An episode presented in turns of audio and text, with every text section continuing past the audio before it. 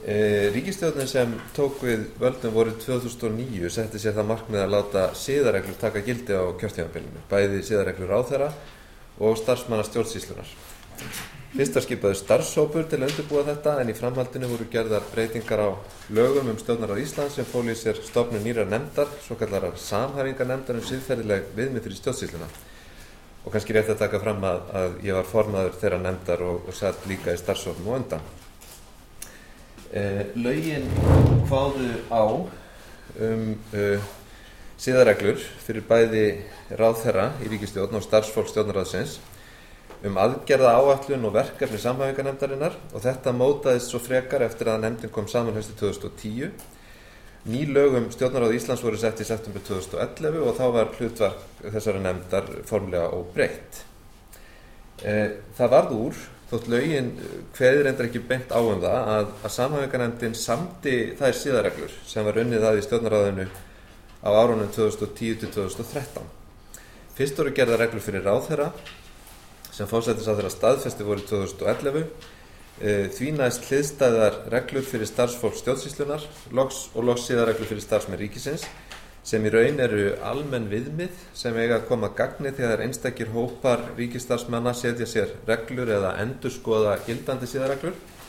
en margir faghópar, svo sem læknar, hafa lengi haft síðarreglur sem að einhverju leiti móta ákveðnar tætti í störfum þeirra. Þegar unnið er að síðarreglum á borðið þær sem samhæfingarnefndin stóða að,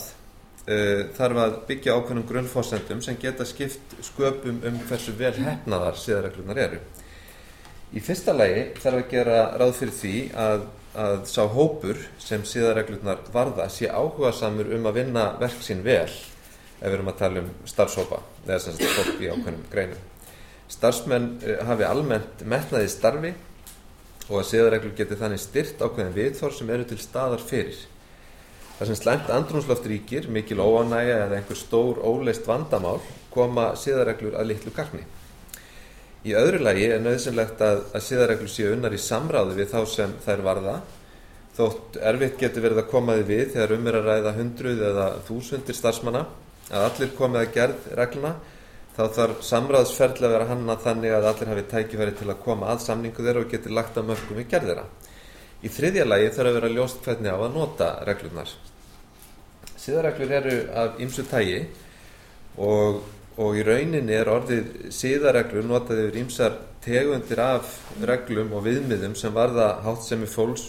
til dæmis í tengslum við störf en það getur átt við um, um hvað eina það sem má hugsa sér að síðarreglur getur verið settar um félaga starfsemi og svo framvegis. Samhæfingarnemdin var fljótt samála um að, að það er reglur eða viðmið sem nemdin inni að yrðu forvirkar reglur frekar en að áherslan yrði á eftirávirkni. Það er að segja að tilgangur þeirra væri að ebla umhugsun um, um mælikvarða og siðferðilega hliðar aðgerða, aðtapna og ákvarðana í starfi vera stuðningur við faglegar ákvarðanir og hafa ákveði leiðsagnargildi frekar en að áherslan væri á að geta úrskurðað eftir þeim um brot og brúðist við brotum með einhverjum tilteknum ráðstöfunum. Þannig sá nefndin fyrirhugaðar siðareglur sem eitt atrið af mörgum sem að mætti nýta til að minka spillingar kvata og spillingar hættu í, í stjórnsíslinni.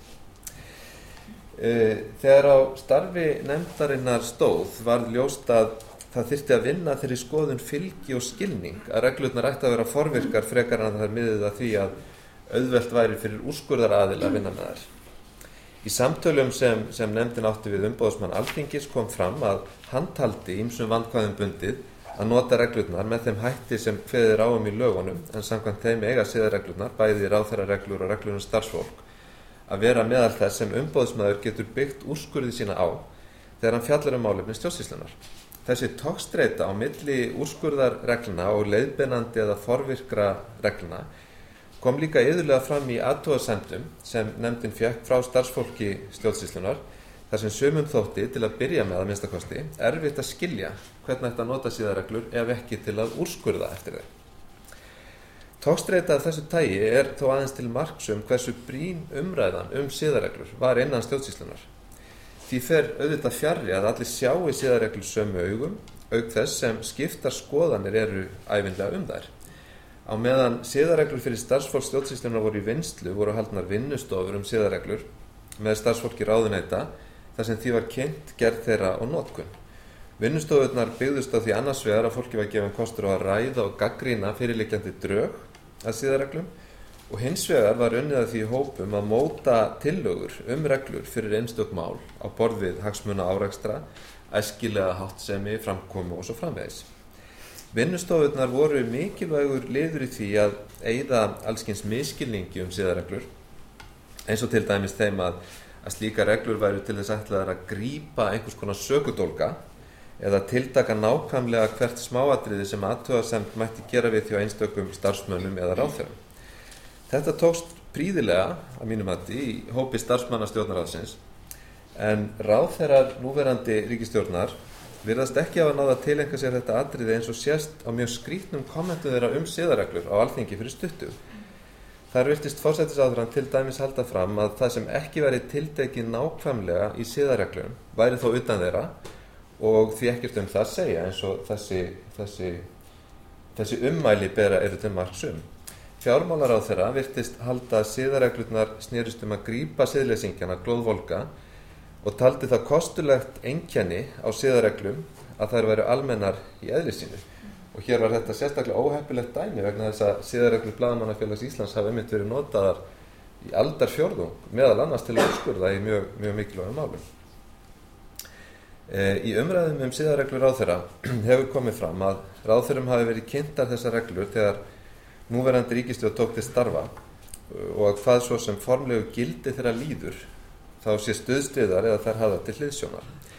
Eh, þetta er auðvitað gott og blessað en samt er ekki að verjast þeirri tilhugsun þegar þessi ummæli ráðþrann eru höfð í huga að eitthvað vanti upp á grunn skilning á því starfi sem þegar hefur verið unnið í stjórnsýslunni og að það kunni að vera að þessi skilningskortur kom í raun í vegferir að reglurnar og það eru umræður sem þeim er alltaf leiða til eh, nýtist á nokkur nátt í starfi sínu að þeir geti nýttað á nokkur nátt í starfi sínu. Það er að sjálfsögðu mikilvægt að siðareglur séu nægilega skýrar til að leggja megi með hliðsjón af þeim mat á hvort ráð þeirra hefur brotið gegn þeim eða ekki. Uh, það er til dæmis mitt mat að Hanna Birna Kristjánsdóttir hafi verið brotleg við nokkrar greinar siðareglunar ráð þeirra í lekamálunum svo kallaða og, og sömulegðis held ég að það sé erfitt að halda því fram að Ylvi Gunnarsson, mentamálar á þeirra, sé ekki brotlegur við ákveðna greina siðaregluna vegna tengsla sinna við eitt öflugt orkufyrirtæki sem mikið hefur verið til umræðu. Það er eins er í eðli almennra síðaregluna að mat á því hvort í ákveðnu tilfelli hafi verið brotið gegn þeim eða ekki hlýtur að varða almenna skynsum og domgrænt. Síðareglur orða tiltekin siðferðileg, orða viðtekin siðferðileg viðmið, þær búaðu ekki til og þess vegna dregur það ekki úr siðferðilegum kröfum til embættismanna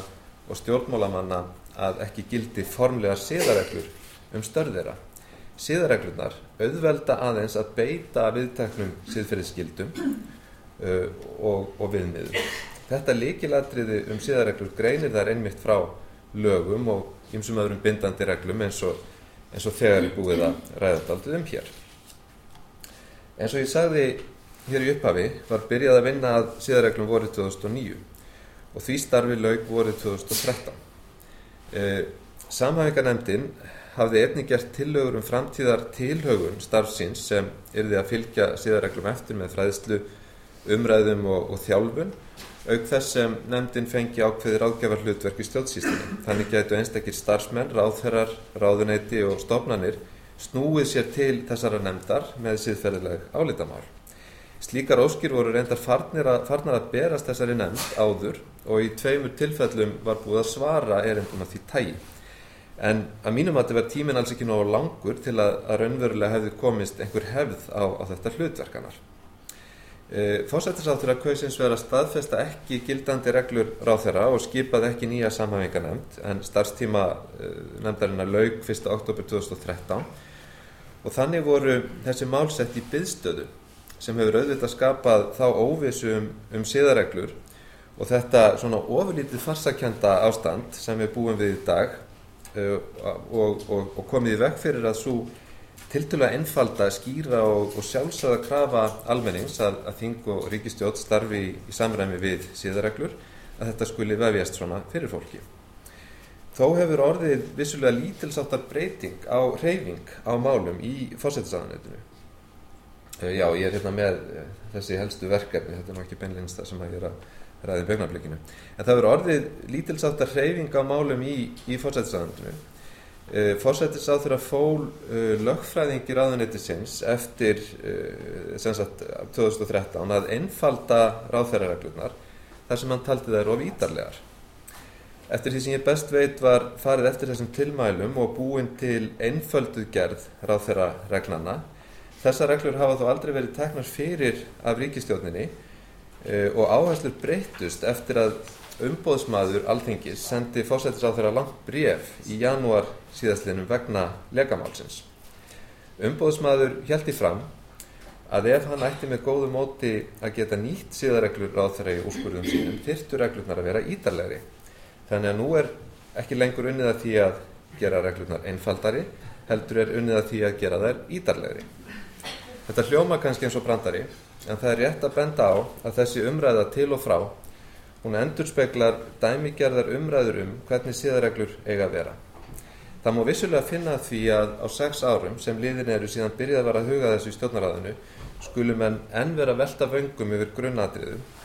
Mín skoðun er svo að vinna samhæfingarnefndarinnar hafi raun verið komin nokkrum skrefum lengra en ummæli ráðamann að benda til nú og réttast og eðlilegast hefði verið að byggja áfram á henni uppfærað sjálfsögðu siðareglur eins og ástæði er til en leggja áherslu á að móta það starf í kringum innleiðingu og nótkun siðferðilegra viðmiða í stjórnsýslunni sem brín þörf er fyrir.